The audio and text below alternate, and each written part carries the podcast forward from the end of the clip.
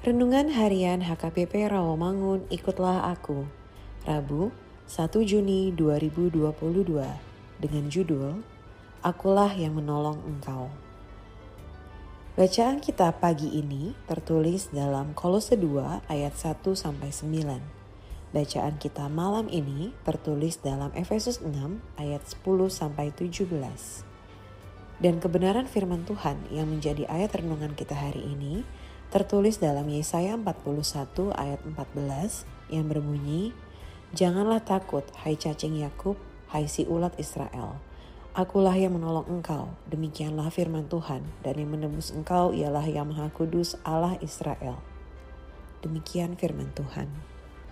Sahabat ikutlah aku yang dikasihi Tuhan Yesus. Setiap orang pasti pernah mengalami ketakutan dalam hidupnya Apakah itu ketakutan yang disebabkan perasaan takut akan sesuatu yang akan terjadi, ataupun ketakutan menghadapi masalah hidup yang sedang terjadi pada dirinya? Jangan takut adalah satu, salah satu kalimat yang paling sering diulang sebagai perintah Tuhan. Tetapi, ketika Tuhan memberikan suatu perintah, maka Tuhan pasti menjamin perintah tersebut dapat dilaksanakan dan menyiapkan dukungan penuh atas perintah tersebut. Perhatikan perintah Tuhan Janganlah takut, diikuti oleh alasan kenapa Israel tidak usah takut, yakni sebab akulah yang menolong engkau.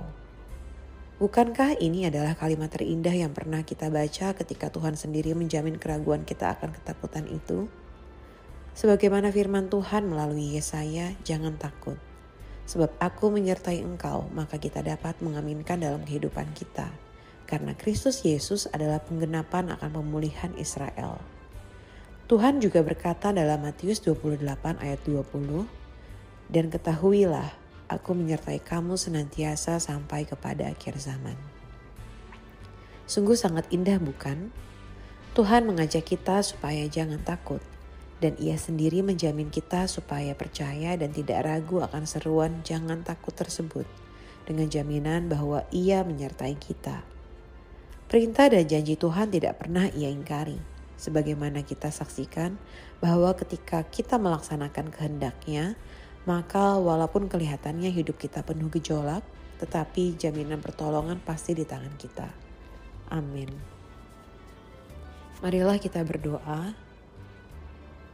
Ya Tuhan Yesus, ajar kami untuk berserah untuk setiap apa yang terjadi dalam kehidupan ini, karena Engkau menjanjikan pertolongan bagi umatmu. Amin.